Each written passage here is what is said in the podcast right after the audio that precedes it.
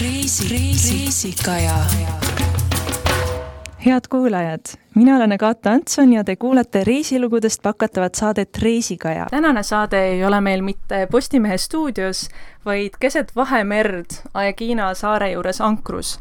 ja meil on saates eh, jahi nimega Puhkus merel, ei, mitte Puhkus merel, aga, aga Puhkus merel on see merereis, mida sellega teha saab, aga jahi nimeks on Akustika. ja meil on saates eh, kipper Maido Lipp, tere Maido! tervist! Sina oled äh, Kreeka saartel ja Horvaatias nii palju jahiga purjetanud ja neid, neid läbi käinud. millised on sinu enda lemmiksaared? minu jaoks lemmiksaar on see, kus on palju äh, poode, kus saab jahivarustust. teiste jaoks võib-olla natuke teistmoodi, aga minu jaoks on see oluline. kui sa inimesi viid erinevatele saartele, mille järgi sa neid valid?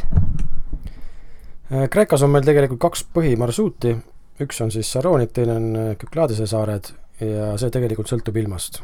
kus on äh, soodsam, sinna me lähme. Äh, meie valikus on siis kaks saarestikku, on Kükladise saarestik ja Saroniku saarestik. kui me võtame esimeseks Saroniku, siis äh, see on natukene lähemal, natuke lühemad vahemaad saarte vahel ja natuke parema ilmaga. ja kui me nüüd näiteks eestlastega alustame laupäeva hommikul, siis esimene peatus ongi Aegina saare peal kus me oleme siis siin lähedal Lankrus ja saab minna ühte väga hästi säilinud templit vaatama. tavaliselt me jääme siia ka ankrusse ööseks ja järgmisel hommikul lähme edasi Hüdra saarele. Hüdra on nüüd selline saar, kus äh, ainuke liiklusvahend on jalgsi või äh, muulaga, seal autosid ei ole. ja sealne sadam on samuti pisikene, mõlema külje pealt on ta niisuguse vanaaegse kindlusega natukene piiratud aga samas on ta oma väikeste tänavate ja elava nii-öelda tegutsemisega hästi põnev tegelikult. ja sealt saab jalutada ka kõrvale, kus on pisike kalasadam ja vaadata, mis siis kohalikud äh, kalurid teevad. tavaliselt jääme ka sinna ööseks, kas siis äh, sadamasse, kui me sadamas koha saame, või sinna kõrvale ankrusse. Äh, järgmisel päeval liigume edasi Porto Heli lahte mis on selline hästi äh, suur, ümmargune, helesinine laguun, kus kogu lahe vesi on äh, hele-helesinine. seda tänu sellele, et ta on madala veega ja liivapõhjaga. ja seal on nüüd väga palju erinevaid äh, tegevusi, et seal on näiteks ka Niki Beach, kes tahab siis peole minna õhtul ja teisel pool on siis korralik suur sadam ja sadamakõrtsid ja natuke ka niisugust vanaaegset linna ja rohelust kõrval. iga, iga tegelikult saare vahel me teeme veel päeval ujumispeatuseid ja snorgeldame, kes tahab, saab äh, supiga ringi liigelda ja veel natuke niisugune saartega tutvuda või lahtedega, kus me siis parasjagu oleme. mis on kõige parem snorgeldamise koht? kõige parem snorgeldamise koht, kuna ma ise olen sukelduja, siis ma väga palju snorgeldamas ei käi. aga ma olen kuulnud, üks äh, kaljunukk on väga hea, mis inimestele meeldib kus see kaljunukk asub? see kaljunukk on tavaliselt äh, tagasiteel, kui me oleme, tuleme Porto Helist äh, tagasi, siis ta jääb meile tee peale, kus me ankrus oleme. ja ta on äh, hästi värvikirev, nii kui ma kuulnud olen. aga räägi veel natuke nendest saartest, kuhu, sul jäi vist jutt pooleli, kuhu veel oleks tore minna? tagasiteel me peatume veel Ermioni sadamas, kus on siis tegelikult sadam on, või ütleme, linnake on siis kahe sadamaga üks on siis Lahesopis ja teine on siis avatud äh,, avatud poole peal. see on hästi lahe linnakene, kus on tegelikult äh, poolsaare tipus lahe männik, kus saab siis äh, jalutada ja natukene rohelist, rohelist äh, loodust nautida. sest üldiselt see, need Kreeka saared on äh, sellised äh, suvel eriti natuke pruunikad ja kõrbenud loodusega, kuna päikest on palju ja vihma sajab vähe. aga seal on hästi mõnus äh, männik, kus on siis hea jalutada ja natukene päiksevarjus puhata. ja kui pikalt oled sina käinud siin Vahemere äärsetes riikides jahiga sõitmas? Äh, üsna mitu aastat juba, et see aasta nüüd rohkem, kuna on oma jaht, aga mitmed aastad juba. aga miks just Vahemeri? ta on meil ikka kõige lähemal ju. teised jäävad kaugemad sihtkohad ja natuke ka kallimad, et Vahemeri. aga Läänemeri? Läänemerel käime ka, aga Eesti suvi on lühikene, siin on natuke pikemalt seda hooaega aga mis sulle Vahemere juures, mis piirkonnad sulle kõige rohkem meeldivad? kõige rohkem mulle tegelikult meeldib Horvaatia, aga seal on äh, võib-olla natuke liiga palju turiste ja sadamad on liiga turistikad. ja samamoodi on seal hinnad võib-olla natukene kallimad kui siin, et niisugust ideaalset kohta ma praegu ei teagi, et igal pool on omad head ja vead. aga mis sind üldse ennast äh, mere poole ja purjetamise poole tõmbas? Äh, keeruline, väiksest peale mere ääres kasvanud ja isaga merel käinud, et äh, purjetamisega alustasin tegelikult üks kümme, kaksteist aastat tagasi Tais elades. siis on äh, nüüd siiamaani seda huvi veel jätkunud.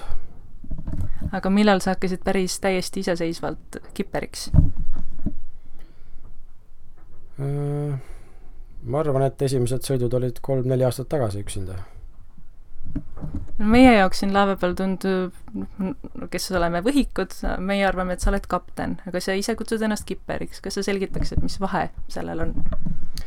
väikelaevadel on kipperid, suured laevad, äh, nende peal sõidavad kaptenid. kas sa saaksid kapteni tööga ka hakkama? ma ei ole seda õppinud, selle jaoks on äh, Mereakadeemia viis aastat äh, tööd vaja teha. aga mida sina oled õppinud? Tegelikult käisin Mereakadeemias, aga õppisin hüdrograafiat paar aastat kahjuks jäi see pooleli. ja kas see tähendab, et kas sellega sa tohid ka siis väikelaeva juhtida või kuidas, või kuidas sa selleni oled jõudnud? Äh, väikelaeva paberi ma küll tegin Mereakadeemia, Mereakadeemia aegadel, aga hüdrograafia iseenesest tähendab mere mõõdistamist ja kaardistamist. et see on natuke teistmoodi. kui palju see on sulle praegu kipperiks olekul kasuks tulnud? No kaardi tundmine tuleb ikka kasuks, võib-olla ka natuke seal taga teadmist, kuidas need kaardid tehtud on ja sealt tekkida võivad vead, et äh, võib-olla see annab natuke paremat taustainfot. kas sul on merel olnud kunagi hirmu? hirmu otseselt ei ole. küll on keerulisi olukordi olnud, aga mitte hirmu. Äh, ma mäletan, üks esimesi oli, kui me isaga tulime Osmussaarelt veel ühe vanema paadiga, siis äh, pilsipump ütles üles ja siis oli vaja sellele, kui isa oli roolis ämbriga paadist vett välja visata, et kohale jõuda. aga siis ka ei tekkinud otseselt hirmu? ma arvan, et hirmuga on see, et siis see pigem takistab, et eh, kui kiirelt tegutseda ja asju lahendada, siis sa ei jõua selle hirmu peale mõeldagi. aga mis on kõige ohtlikumad olukorrad, mis Vahemerel võivad tekkida, kas üldse on? Vahemere eripäraks on need äh, melteemituuled, eriti siin Kreekas, mis tulevad äh, ootamatult ja puhuvad väga tugevalt et äh, see võib olla see, mis on nagu kõige ohtlikum siin. mida see ohtlik tuul teha võib?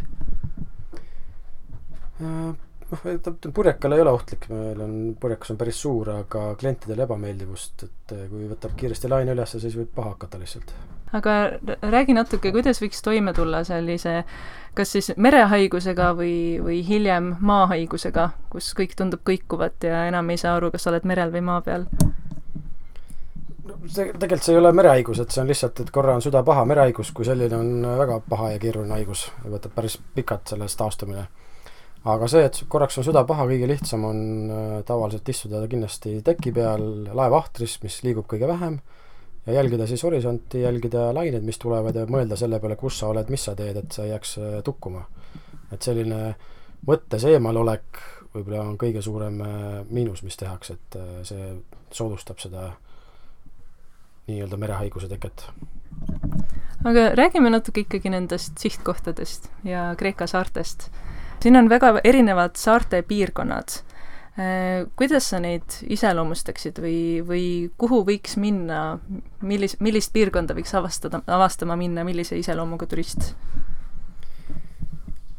kui me nüüd ilmast ei räägi, siis äh, on Kükladese saarestik ja Saroniku saarestik Saronik on võib-olla rohkem äh, rahulikum ja mm, võib-olla niisugune ajaloohõngulisem. Küklades on äh, rohkem äh, sellisele purjetaja hingele inimesele, purjetaja hingega inimesele ja niisugune vähem turiste koht. ja võib-olla ka saared on natukene, natukene ilusamad kui Saronikus aga samas on vahemaad pikemad ja päevad on pikemad kui Saroniku saarestikus. mis teeb ühe saare, saare ilusaks purjetaja jaoks? kindlasti esimene asi on hea ankrukoht, kus peatuda ja teine asi, kuna me vaatame saart mere poolt, siis ongi need vaated mere pealt, et ta ilus oleks. aga maa, maa peal käite ju ometigi ka? maa peal käime jah, üldiselt äh, sadamates, et siis ongi see, et saare ilu on üks asi, teine asi on siis sadama äh, ilu või suurus või põnevus ja samas on ka oluline, et seal sadamas kohti oleks, et ta ei oleks liiga väike, liiga madal ja et seal oleks siis kohta, kuhu jaht kinni panna.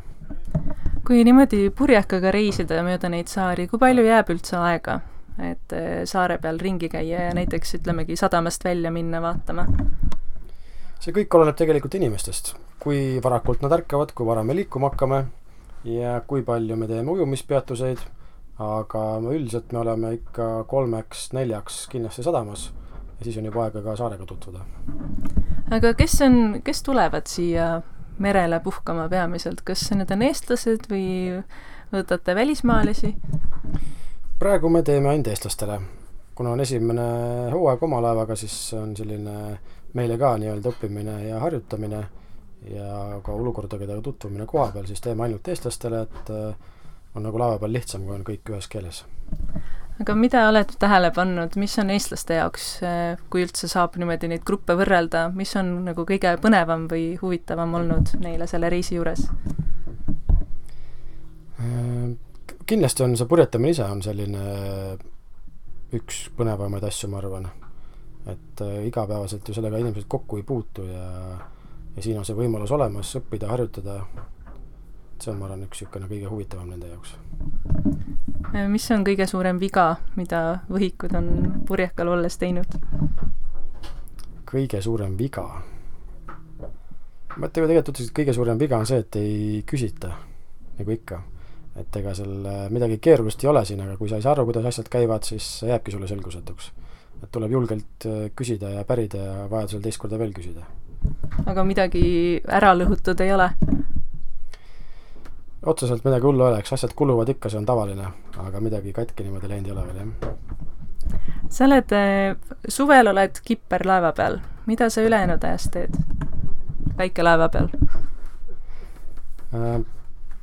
tegelikult ametilt ma olen tuuker ja talvel käin siis oma põhitööd tegemas, kas siis Norras või kuskil mujal. mida sinu töö täpselt sisaldab? Tuukritöö on äh, tavaline ehitustööline vee all, et midagi niisugust uhket ei ole, et äh, ehitame kas sadamaid või sildasid või, või kalafarme, et see on niisugune põhitöö. ja kus, kus täpsemalt, ütlesid Norras ja olen, põhiliselt on äh, Norras meil kliendid, aga nüüd eelmine talv olin ka pikalt Indoneesias, et töö on sama, natuke soojem lihtsalt. aga kuidas erineb töötamine Norras ja Indoneesias, et ma saan aru, et töö on sama, aga kuidas sinu elu eri, erineb seal elades? No Indoneesias ma elan hotellis, Eestis elan kodus või Norras ma elan laeva peal, see on nagu erinevus, aga Indoneesias on võib-olla keerulisem see pool, et seal on see kohalikega suhtlemine ja keelebarjäär suurem ja nende arusaamad äh, tööst ja töö kvaliteedist on natuke teistsugused kui Norras. et see tekitab kõige rohkem probleeme. Aga Norra on siis pigem sarnane eestlastele? Norra on eestlastele väga sarnane, kuigi või jah, isegi mitte kuigi, aga seal välistööjõudu on nii palju, et näiteks meil laeva peal on ka, on eestlasi ja muid rahvuseid rohkem kui norrakaid endaid sa oled nii palju igal pool erinevates riikides ära, nagu ometi sa mainisid, et, et kui sa oled Eestis, siis sa oled kodus. kui palju sa üldse saad kodus olla? see oleneb väga palju aastast, ma arvan, et äh, viimastel aastatel tegelikult rohkem, aga kui ma rohkem nii-öelda põhiliselt Norras olin, siis ma olin kuskil kaheksa kuud aastast ära Eestis. võib-olla selline laiem küsimus, aga, aga mis tunnet tekitab sinus mere peal olek? või miks on, mis see on, mis sind mere poole tõmbab nii mere alla kui ka mere peale? see on tõesti keeruline küsimus. Ma arvan, see rahu tegelikult ja see, et sa, sa oled äh, looduse sees, äh, looduse keskel. Äh, purjetamise puhul mulle eriti meeldib see, et sa oled pidevalt liikumises, sa küll ise ei pea midagi väga palju tegema, aga sa pidevalt liigud kuskil mingis suunas edasi, et ei ole nagu paigalseisu millal sa oled või millal sa tunnetad rohkem sellist merevõimu? kindlasti siis, kui tuul on tugevam. kui lained lähevad suureks, tuul tugevamaks, siis äh, mere, siis meri näitab enda iseloomu ja on see nii-öelda vahetu endal merel oleku tunne ka parem.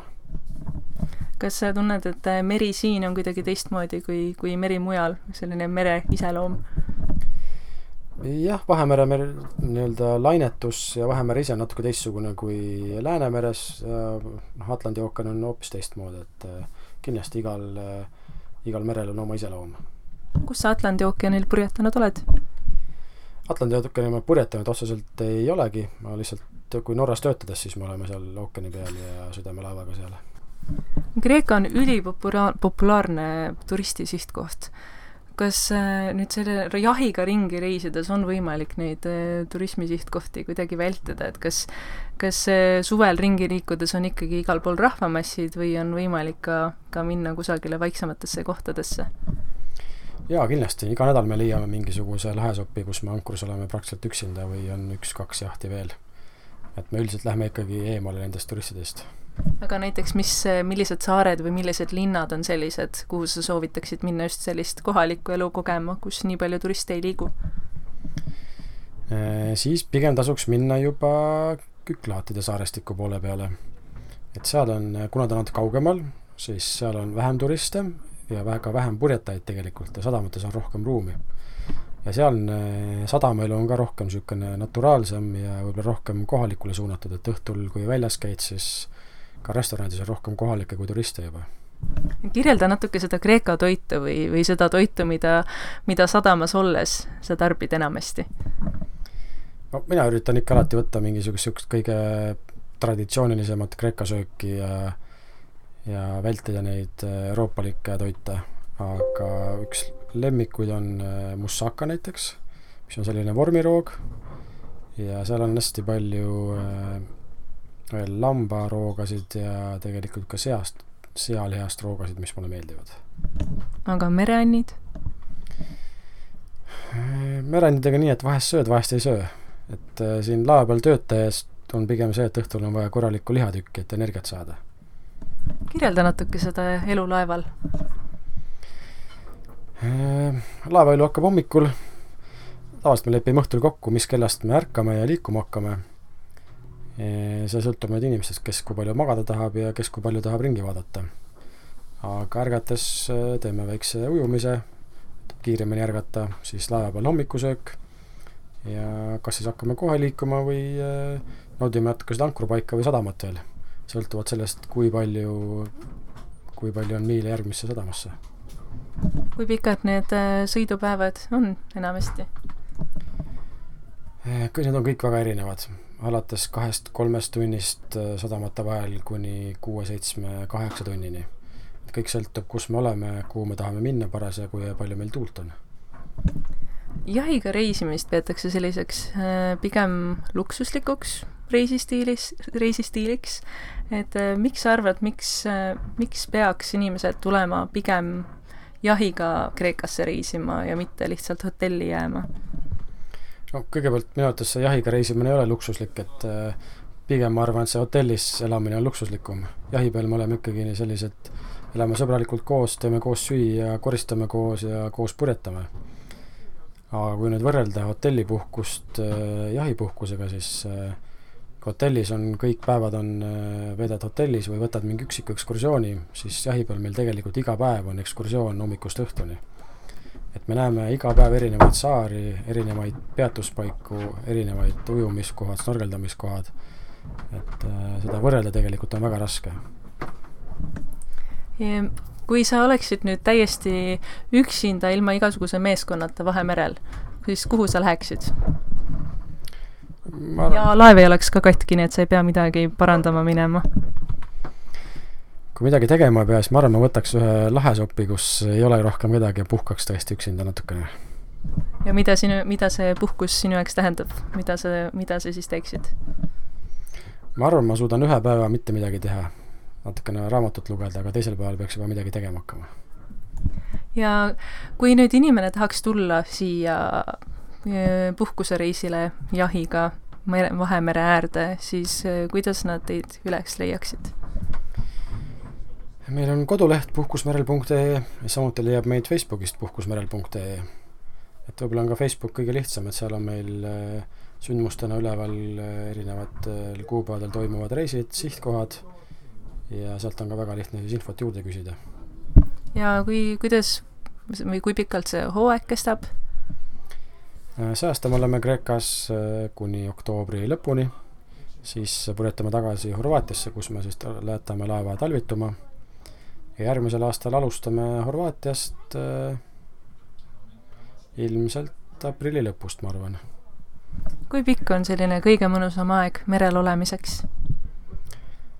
kõige mõnusam on tegelikult kaks nädalat, sest siis jõuab sellesse laevaellu sisse elada, samuti me saame võtta marsruudid, kus me siis näeme tõesti ka niisuguseid kaugemaid ja veelgi huvitavamaid kohti, aga kahjuks on see nädalane on niisugune kõige tavalisem aeg aitäh sulle, Meido!